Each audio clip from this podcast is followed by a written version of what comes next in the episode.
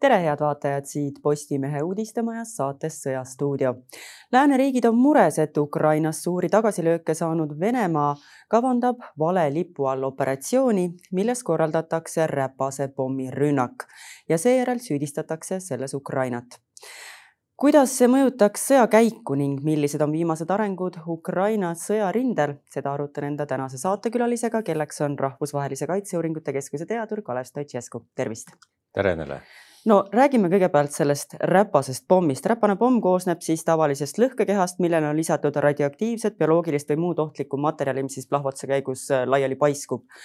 Äh, Venemaa on väitnud, et Ukrainal on plaan seda kasutada, samas lääneriigid on kinnitanud, et tegemist on desinformatsiooniga, aga kardetakse, et äh, see on selline Venemaa strateegia, kõigepealt tekitada palju kära ja siis näidata, et näete, meil oli õigus, Ukraina kasutaski, ehkki nemad võivad ise seda teha vale lipu all siis nii-öelda no kõigepealt äh, see märkus, et äh, see oleks ebaõiglane sõna räpane suhtes öelda, et ainult selline pomm saab olla räpane. Putin on ise räpane, tema režiim ja kogu see sõda, kui me räägime räpasusest kui sellisest. Venemaa kaitseministeerium selgitas väga täpselt välja, milline see räpane pomm on.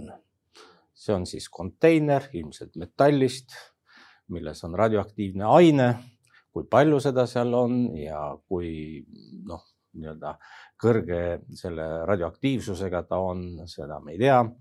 ja siis on lõhkeained kõvasti seal niimoodi, et see siis plahvatab ja paiskab seda radioaktiivsust laiali. see kõik sõltub, kui radioaktiiv, kui suur see radioaktiivne see saastatus saab olema ja kui suurel alal vastavalt sellele, kui palju on üht või teist äh, ainet sinna pandud mul ei ole kahtlustki, et nad teavad väga täpselt, äh, kuidas selline räpane pomm välja näeb, mida nad kirjeldasid üksikasjalikult just sellepärast, et see on ju neil endal olemas ja siis nad ähvardavad eh, seda ja nad kasutavad. Nad pakkusid välja ka variandi, et kust Ukraina saaks materjali selleks, eh, noh, Tšernobõli siis tuumajäätmete hoidlast ja nii edasi. no see on kõik üks eh, järjekordne Vene muinasjutt, et siis Ukraina koos läänega lausa valmistuvad sellist räpast pommi kasutama. et see on ju osa sellest eskalatsioonist, sest Putini sammud on alati lähtunud eskaleerimise ehk pingete tõstmise ideest, et, et tuua jälle mängida mingisugune kaart välja, on siis ju ka korraks näitaksin kaardil siin, kus on see punane küsimärk. Dnepri jõel on Kahovka tamm, mida nad samuti üritavad sisuliselt massihävitusrelvana kasutada, sest selle, seal on kolmteist miljonit kuupmeetrit vett selle tammi taga.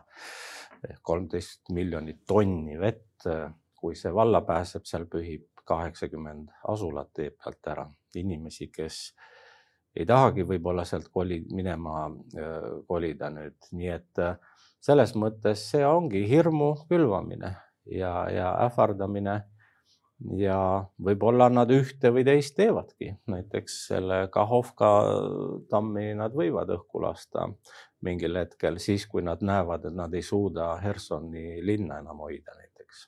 aga seesama hirmutamise strateegia, kas see teeb ikkagi valvsaks ka, sellepärast et praegu see näpuga näitamine Ukraina peale, rääkimine sellest räpasest pommist niivõrd äh, intensiivselt, nagu nad seda antud hetkel teevad kas äh, see teeb ärevaks, kas äh, tuleks rohkem jälgida seda olukorda rindel või on see lihtsalt jällegi tavapärane selline infomüra, mis Vene poole pealt tuleb? ma arvan, et ukrainlased on ammu selle hirmupiiri ületanud. Nad võitlevad väga vapralt ja nad peaksid meid ka rohkem julgustama, inspireerima. me loomulikult peame olema valvsad selles mõttes, et neid ähm, Venemaa ähvardusi, olles näinud, milleks nad on kõik võimelised, ei maksa võtta kõrgekäeliselt, aga, aga samas ka mitte paanikasse sattuda. hommikustes uudistes loen, kuidas Brüsselis inimesed muretsevad, et, et venelased siis põhimõtteliselt äh, võivad rünnata tuumapommiga Brüsselit, jah, vot see on näide sellest, kuidas nad külvavad seda hirmu ja, ja see hakkab külge siin ja seal ja hakkab lõpuks ka meie käitumist mõjutama ja meie liitlaste käitumist. aga nad ei näe, et see mõjutaks ukrainlaste käitumist, mida rohkem, mida barbaarsemalt nad Ukrainat ründavad ja mida rohkem nad ähvardavad, seda rohkem ukrainlased on valmis oma maad äh, kaitsma seega selliste ähvarduste eesmärk on siis heidutada liitlasi sellist sõjalist abi andma Ukrainale?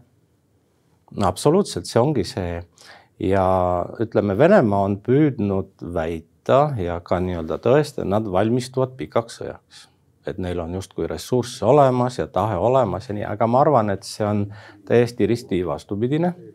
sellepärast, et esiteks Kremli sõnad ja teod lähevad alati lahku peaaegu ja teiseks on näha, et, et just selle räpase pommi ähvardamisega nüüd siis selle tammiga ja kõige muuga nad üritavad ja eriti kuivõrd nad nüüd annavad lööke nende Iraani droonidega ja, ja rakettidega Äh, Ukraina kriitilisele taristule, ütleme siis elektrijaamadele, veevõrgule ja, ja veepumbajaamadele ja nii edasi.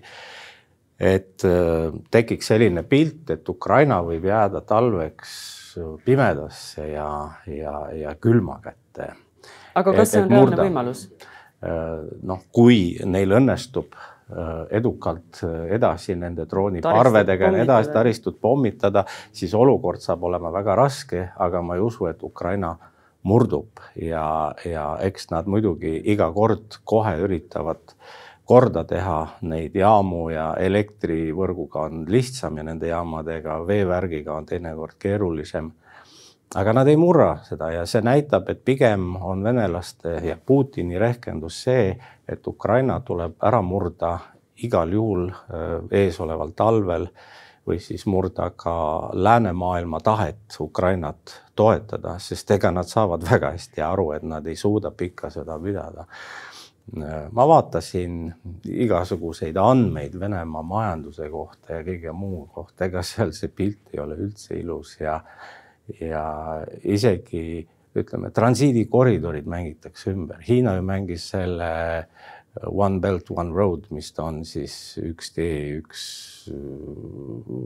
vöö, seda suurt maailmaprojekti hästi palju läbi Venemaa ja Kasahstani, et transiiti see peale kahekümne neljandat veebruarit on see kuuskümmend protsenti vähemalt ära kukkunud. Venemaa tõstis neid tariife, et veel jätkuvalt teenida midagi sealt Äh, Venemaa logistika kukub kokku, tsiviillennundus on oodata, nad võivad veel bensiiniaurude peal nii-öelda lennata veel aasta peale seda, kui nad neid äh, lääne lennukeid kaaperdasid ja, ja edasi. nii et nad on suhteliselt äh, kehvas olukorras ja nüüd nad tahavad siis nagu maksimaalselt pingutada selle nimel, et, et ukrainlaste initsiatiiv raugeks. see on nende eesmärk, peatada seda ukrainlaste pealetungi ja territooriumite vabastamist. no tuleme tagasi selle talvise sõjapidamise juurde, te ütlesite, et ega venelaste mm. võimekus sealt talvest väga edasi enam seda sõda pidada äh, ei olegi niivõrd suur, aga samas seda talvist sõjapidamist äh, pelgavad ka ukrainlased, nad on seda öelnud siin äh, mõned kuud tagasi, et äh, väga ohtlik on, kui see sõda venib talvekuudesse. No eks ta ole. Ja, ja talvel sõda pidada on loomulikult äh, raskem, samas maa on külmunud ja sõjatehnika liigub äh, paremini kui sügisel, kui on see rasputitsa, nagu nad ütlevad, siis kui teed on mudased ja, ja põllud äh, läbimatud ja, ja et eks ole näha, vähemalt ukrainlastel on talvevormid olemas kogu, kogu sõjaväel ja, ja neil on isegi reservi, nagu selgub tegada. ma tahaks näha, kuidas äh, venelased seal oma vahenditega seal sõdivad, sest neid on mobiliseeritud nii, et hea, kui nad üldse mingi vormi selga said, kogu ülejäänud varustuse pidid ise hankima kuskilt. nii et minu, minu arvamus on see, et Putin püüab võimalikult kiiresti saavutada olukorda, kus rindejoon stabiliseerub kuskil ja siis kõigil on näha, et ei üks ega teine pool enam ei suuda edeneda. ja siis tekib justkui loomulik selline situatsioon, et võiks hakata läbi rääkima nagu. see on see, mida, sest, sest nad on paanikas, et kaotavad siin, näitan kaardil just nimelt selle Dnepri jõe selle lääne või, või paremkalda, eks ole, koos Hersoni linnaga kui nad nüüd lasevad selle tammi õhku, ületavad üle selle piirkonna seal, tohutu katastroof. ukrainlased ütlesid, et see võib-olla peatab neid kaheks nädalaks me ei tea seda muidugi. aga siis loomulikult suunatakse jõud jällegi Zaporižja piirkonda ja ukrainlased püüavad igal juhul läbi murda seda maismaaühendust, mis, mida Venemaa on loonud Krimmiga. samas nad arendavad raketisüsteeme, mille laskeulatus on piisavalt suur. ma arvan, et see on aja küsimus ja sellest on president Zelenskõi nõunikud ka rääkinud, et, et see, mis siin toimus Kertši sillal kuskil üsna Kertši linna lähedal, see plahvatus see, see loomulikult tekitas kahjustusi äh, sillale, aga nendel on kindel plaan see sild ära hävitada. ja, ja sellel on sõjaline tähtsus, mitte ainult see, et ta on Putini võimu ja anneksiooni sümbol, nii et ma arvan, et see tuleb millalgi ja nii et venelased teavad, mida on karta, sellepärast nad väga praegu püüavadki meeleheitlikult viia asja noh, nagu patiseisundisse nii-öelda ja, ja et algaksid mingid läbirääkimised. no kui te räägite sellest patiseisust ja, ja ütlete, et see on täpselt see Putini unistuste stsenaarium, parim, mida ta seal praegu välja suudaks võtta, siis tegelikult eh, see talvine sõjapidamine täpselt seda ju ongi, et ega talvisel ajal väga palju selliseid eh, tagasivallutamisi ja vallutamisi ei toimu. et kas eh, see, kui praegu asjad täpselt samamoodi omasoodu veeravadki talvekuudesse, tähendabki seda, et Putin on saavutanud selle, mida ta tahab? võib-olla võib-olla, ma arvan, et äh, ukrainlased ei istu niisama käed rüpes ja nad mõtlevad, äh, hauvad mingeid plaane. nii nagu nad valmistusid äh, kuid Harkivi oblasti vabastamiseks ja seda operatsiooni väga hoolikalt. nüüd on nende põhitähelepanu suunatud Hersonile ja Hersoni äravõtmine kui, kui venelased teevad selle dramaatilise sammu seal selle tammiga ja tundub, nii ukrainlased ütlevad, et, et ta ei ole veel nii palju mineeritud, et kogu tamm äh, lendaks õhku, et, et siis oleks see kõige katastroofilisem stsenaarium aga, aga et siis, siis, äh, siis ole näha jah, et Hersoni igal juhul venelased kavatsevad kaitsta tugevalt, nad on viinud sinna lisavägesid, nagu me teame. ja kahjuks võib ka see juhtuda, et sellest ilusast linnast saab teine Mariupol seal, kui tulevad tänavalahingud ja kõik muu säärane. no seda on ka ukrainlased ise just äsja öelnud, et äh, seal ja. muutuvad need lahingud väga keeruliseks. just, jah räägime natukene Iraani rollist selles sõjas. Mhm. tõepoolest, Venemaa Iraani droonidega hetkel kõikide lääneliitlaste sõnul äh, Ukrainat äh, ründab. kui äh, Iraani tuge Venemaale ei oleks, kuidas see muudaks Venemaa võimekust sõda pidada? Ei no need droonid kahtlemata noh, haavavad Ukrainat, nüüd on näha ja neid on palju, alguses räägiti kolmesajast, nüüd räägitakse tuhandetest, ilmselt neid ongi tuhandeid. ja, ja, ja ukrainlased suudavad üsna palju neid ka alla tulistada, isegi Kalašnikovi automaadist on neid võimalik tulistada, sest nad on nagu lendavad muruniidukid. Nad on kahjuks ülitäpsed ja, ja viiekümnest kilogrammist lõhkeainest, mida nad kannavad, on, on piisav selleks, et tekitada sellist äh, märkimisväärset kahju äh, objektidele, mida nad ründavad. ja noh, Iraan on ilmselgelt kaasosaline siin, partner in crime, täpselt nagu Lukašenko ja Valgevene paraku, nii et ja Iraan muidugi näit-, eitab seda ka ÜRO-s on nad eitanud seda ja ütlevad, et ei ole midagi, aga noh on ju selgelt äh, noh, saadud neid droonide vrakke ja tükke, mis näitavad, et see on seesama Iraani Shahed, mida venelased on ümber ristinud, üle võõbanud ja talle uue nime pannud. sellest on räägitud on praktiliselt just, Vene invasiooni algusest peale, et ja, Iraan enda droonidega neid toetab. just ja, ja noh, nüüd tuleb midagi teha, et Iraan tunneks ka oma tegude tagajärgi, et, et ja siin on jällegi küsimus ka sellest, et need on noh, võrdlemisi odavad äh, riistapuud, et noh, suurusjärgus kakskümmend tuhat või ma ei tea, eurot tükk.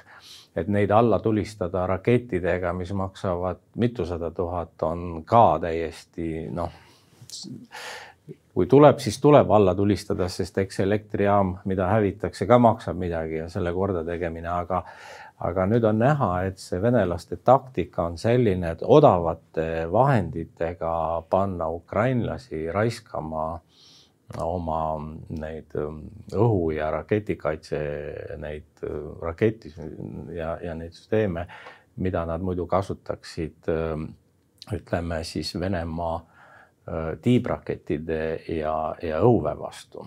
nii et, et, et nad siis nagu ammendaksid oma reservid ja, ja, ja siis oleks venelastel pidu, saaksid jälle äh, tiibrakettide ja õhuväega rünnata, aga noh, ukrainlased saavad sellest taktikast väga hästi aru ma loodan, et nad on saanud piisavalt äh, sellist oskusteavet ja infot ka Iisraelilt, kes on ka selle probleemiga tegelenud Süürias varem, et siis, et kuidagi noh, odavamate vahenditega ja, ja efektiivsemalt neid Iraani droone taevast alla tuua. ilma, et nad peaksid ära raiskama niisugust ressurssi, mida on vaja tiibrakettide vastu lääneriigid on siin rääkinud, et äh, pannes kokku järgmist sanktsioonipaketti Venemaale, tuleks arvestada sedasama äh, Iraani tuge Venemaale ja tuleks laiendada neid sanktsioone ka inimestele, kes on seal droonitehingute taga olnud. Äh, kui suur on see Iraani motivatsioon või millest tulenevalt on Iraanil motivatsioon Venemaad aidata, et kust maalt jookseb see piir, kus sanktsioonide hirmus võib-olla loobutakse sellest toest Venemaale? no nad on ju sarnased režiimid autoritaarsed režiimid, diktaatorlikud ja, ja neil on ühiseid huve. Nad on ühes leeris olnud pikka aega, pealegi Venemaa on ju Iraani, no ütleme, Iraani tuumavõimekus, mis, kui me räägime isegi tuumaelektrijaamadest näiteks. aga kust see muidu, see see sõjaline no ütleme pool ka sinna mängu tuleb, mida me püüame ära hoida, et Iraanist ei saaks sõjaliselt ka tuumariik. noh, räägivad, et see võis tulla Põhja-Koreast, aga kus siis Põhja-Korea sai selle ja nii edasi, noh, et otsad viivad niikuinii lõpuks Venemaa juurde, need, neid on ühised huvid Süürias ja Iisraeli vastu ja nii edasi, nii et selles mõttes okei okay,, Venemaa mängib sellist topeltmängu muidugi Iisraeli poolel. aga hea uudis oli paar päeva tagasi, et mida ma Eesti uudistes ei näinud, et, äh, et äh, Iisrael hävitas Süürias sellise Iraani droonide kokku monteerimise ja tootmisliini. oli Eesti uudistes ka? oli või? oli, oli. oli, okei okay., no siis see jäi mul kahe silma vahele nii et selles mõttes see sõjapidamine ei toimu ainult seal Ukraina pinnal, et see käib ikkagi niimoodi riikidevaheliselt. no ka, kahjuks on näha jah, selline tendents, et Äh, üha rohkem riike on sellesse sõtta kistud, olgugi et sõjategevus ei ole laienenud, aga ohumärgid on siin olemas. nojah, ja võib-olla, et Putini viimane samm, äh, selline meeleheitlik, ongi see, et laiendada sõda selleks, et tekitada suuremat kaost ja kuidagi sellest kaosest seda oma kala püüda või nii-öelda sellest mudasest veest, et, et me ei tea, aitaks ka seda fookust hajutada, mis on praegu suunatud puhtalt ja. neile ja nende tegemistele. ja, jah. no vot, mina ei tea, kas meil peab olema lootus või mitte, et Venemaa rahvas ükskord ärkab ja, ja astub selle sõja ja Putini režiimi vastu. ma hakkan üha rohkem kahjuks kahtlema, et ma mõtlen, et kas see kollektiivne Putin on sada inimest, kümme tuhat inimest või hoopis sada kümme miljonit inimest, see on see kollektiivne Putin, kellest me räägime tegelikult, sest neil on ju kandepind ühiskonnas olemas, et jätkata seda, et võrdleme venelasi ja ukrainlasi. ukrainlased kaotasid hirmu. Nad astuvad välja oma õiguste eest ja parema tuleviku eest ja, ja nad võitlevad selle eest. see on kõik, mida venelased ei tee. Nad kardavad, nad on arad tegelikult. isegi siin või Rootsis või kuskil need putinistid, provokaatorid korraldavad provokatsioone ja siis põgenevad, nad on arad tegelikult. kas see võib sõjatandril lõpuks saada otsustavaks, selline meelestatus? tegelikult teoreetiliselt ja ma arvan, et ka praktiliselt võidab see lõpuks mitte ainult see, kellel on õigus, vaid ka kes on väga meelekindel ja, ja, ja näitab vaprust ja julgust. Ja ukrainlastel on kõik eeldused selleks. Ja, ja ja see lääne toetus peab jätkuma kahtlemata lõpuni, sellepärast et see on meie ühine võitlus, ei ole lihtsalt ukrainlaste võitlus. ja nemad kannatavad kõige rohkem, meie kannatame vähe. ja see on asi, mida peab tegelikult kogu läänemaailma inimesteni viima. et me oleme sõjas kahjuks Venemaaga, tahame või ei taha ja see, kui me siin kannatame, et noh, võib-olla tuleb mingi väike elektrikatkestus või midagi või bensiin läks natuke kallimaks. Et sõda ei ole võimalik ilma midagi ohverdamata võita kahjuks ja me ei saa ka aega tagasi pöörata, ainult edasi minna ja võita. et meie elu stabiliseeruks jälle ja läheks paremaks. et äh, mõelgem sellele, mida ukrainlased peavad kannatama, kui nii võtta eile tegi oma esimese välkvisiidi, üllatusvisiidi Kiievisse pärast Vene invasiooni algust äh, Saksamaa president Frank-Walter Steinmeier. kas see oli märgilise tähendusega mingis mõttes, sellepärast et tegelikult on ju Saksamaad ikkagi läbi selle sõjaperioodi äh, süüdistatud päris palju sellises loiduses abi andmisel noh, Steinmeieri nimi äh, sellest ajast, kui ta oli välisminister, seondub selle kurikuulsa Steinmeieri valemiga, mis puudutas Minski protsessi ja need äh, kõigepealt tulid siis kaks äh, Minski kokkulepete paketti, eks ole, kaks tuhat neliteist sügisel, kaks tuhat viisteist oli vist veebruaris, kui ma mäletan. ja seal oli justkui kõik kirjas, mida siis pool peab tegema, olgugi et nendes kokkulepetes Venemaad ei olnud üldse mainitudki justkui Venemaa asuks, ma ei tea, mis teises galaktikas, ei puutuks nagu üldse asjasse, mis oli täielik absurd. aga noh, et põhiliselt kohustused kõik oli pandud Ukrainale ja mida Ukraina peab kõik tegema ja, ja siis need karikatuursed LNR-id ja DNR-id olid ka seal serveeritud justkui mingid subjektid ja, ja nii. aga seda järjekorda, kuidas neid asju teha ja tegelikult äh, ega ka inimese elus ei ole tähtis, mis asju sa teed, vaid tihti on ka see järjekord tähtis, mis järjekorras sa asju teed, vot täpselt samamoodi oli ka seal.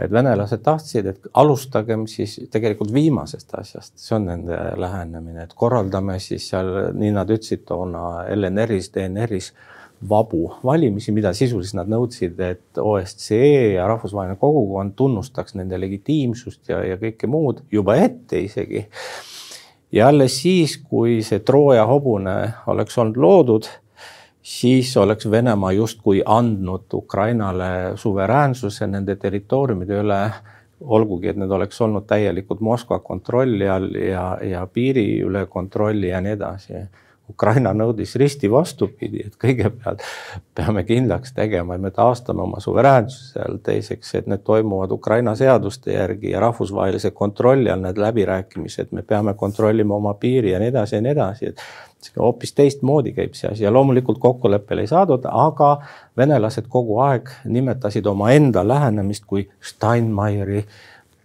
valemit, vot, vot on Steinmeier, tal on niisugune valem, noh ja Steinmeier kahjuks ei võtnud mitte kunagi sõna kummutamaks seda, et ma ei ole midagi sellist pakkunud, nagu Kreml ütleb ja tegelikult Ukrainal on õigus, kuidas asju tuleb teha. ja noh, see, see taak ongi tal jäänud. ja nagu me ju teame, Zelenskõi ei tahtnud teda üldse näha seal vahepeal ja, ja kui, kui noh, lõpuks võeti ta vastu, ma arvan, et see on õige, et, et ta ikkagi käis nüüd seal ja eks talle selline väike patukahetsusvisiit ka, ma arvan, et teatud mõttes, kuigi Angela Merkel ka väga oma vigu ei tunnista ja, ja, ja eks Steinmeier ka mitte, aga vähemalt ta on, ta on praegu võib-olla kergema südamega, et on kirikus ära käinud ja andeks. indulgentsi ostnud. Aga kas see Steinmeieri visiit saadab mingisuguse signaali praegu ka Venemaale siis? Ma arvan, et see muidugi saadab, sellepärast et äh, Venemaa on väga närvis ju, seda on öelnud ka välisminister Lavrov, et keegi ei taha enam läbirääkimisi pidada. ainult Erdogan on justkui huvitatud, Türgi president ja ei taha ei Prantsuse president Macron ega Saksamaa liidu kantsler Scholz, keegi ei taha läbirääkimisi ja kõik muudkui näitavad toetust ja Ukrainale ja, ja, ja eile oli veel see Marshalli plaani kohtumine seal ja Ursula von der Leyen räägib Euroopa Komisjoni president sellest, et Venemaa tuleb leida vormel, kuidas Venemaa külmutatud varad äh, läänes äh, ja need reservid muuta konfiskeeritud varadeks ja kasutada neid Ukraina siis ülesehitamiseks, see on asi, mida ma isiklikult Eesti meedias juba märtsist saadik olen pakkunud välja, et see on õiglane, sellepärast et mitte meie ei hävita Ukrainat, vaid Venemaa ja Venemaa peab selle eest maksma. Ja kui ta ise vabatahtlikult loomulikult ei maksa, siis tuleb kasutada ikkagi Venemaa raha, nemad nimetavad seda varguseks ja banditismiks ja milleks kõigeks, nad on väga närvis, et nad ei näe kunagi oma seda raha ja väga õige, nii tulebki teha, et see on üks viis, kuidas panna Venemaad vastutama selle asja eest. aga räägime väga kiirelt saate lõpuks veel üle sellest samast Marshalli plaanist, kahekümne esimese sajandi Marshalli plaanist, nagu nad seda kutsusid. tõepoolest, nad leidsid, et tuleks hakata Ukrainat üles ehitama, olgugi et Vene sõjaline invasioon veel käib kuidas see mõjutaks jällegi seda Ukraina elu, kui äh, praegu hakatakse sinna neid rahasüste tegema ja taristut äh, uuendama? seda peeti ka võimaluseks no, äh, taristut uuendada. selles mõttes, et noh, räägime võib-olla haiglatest, koolidest, hooldekodudest. Need on asjad, mis peavad igal juhul toimima, ega siis haigeid inimesi, lapsi, kes äh, peaksid koolis käima, need ei saa kõiki panna pausile nii-öelda, kuniks see õudus äh, lõpeb.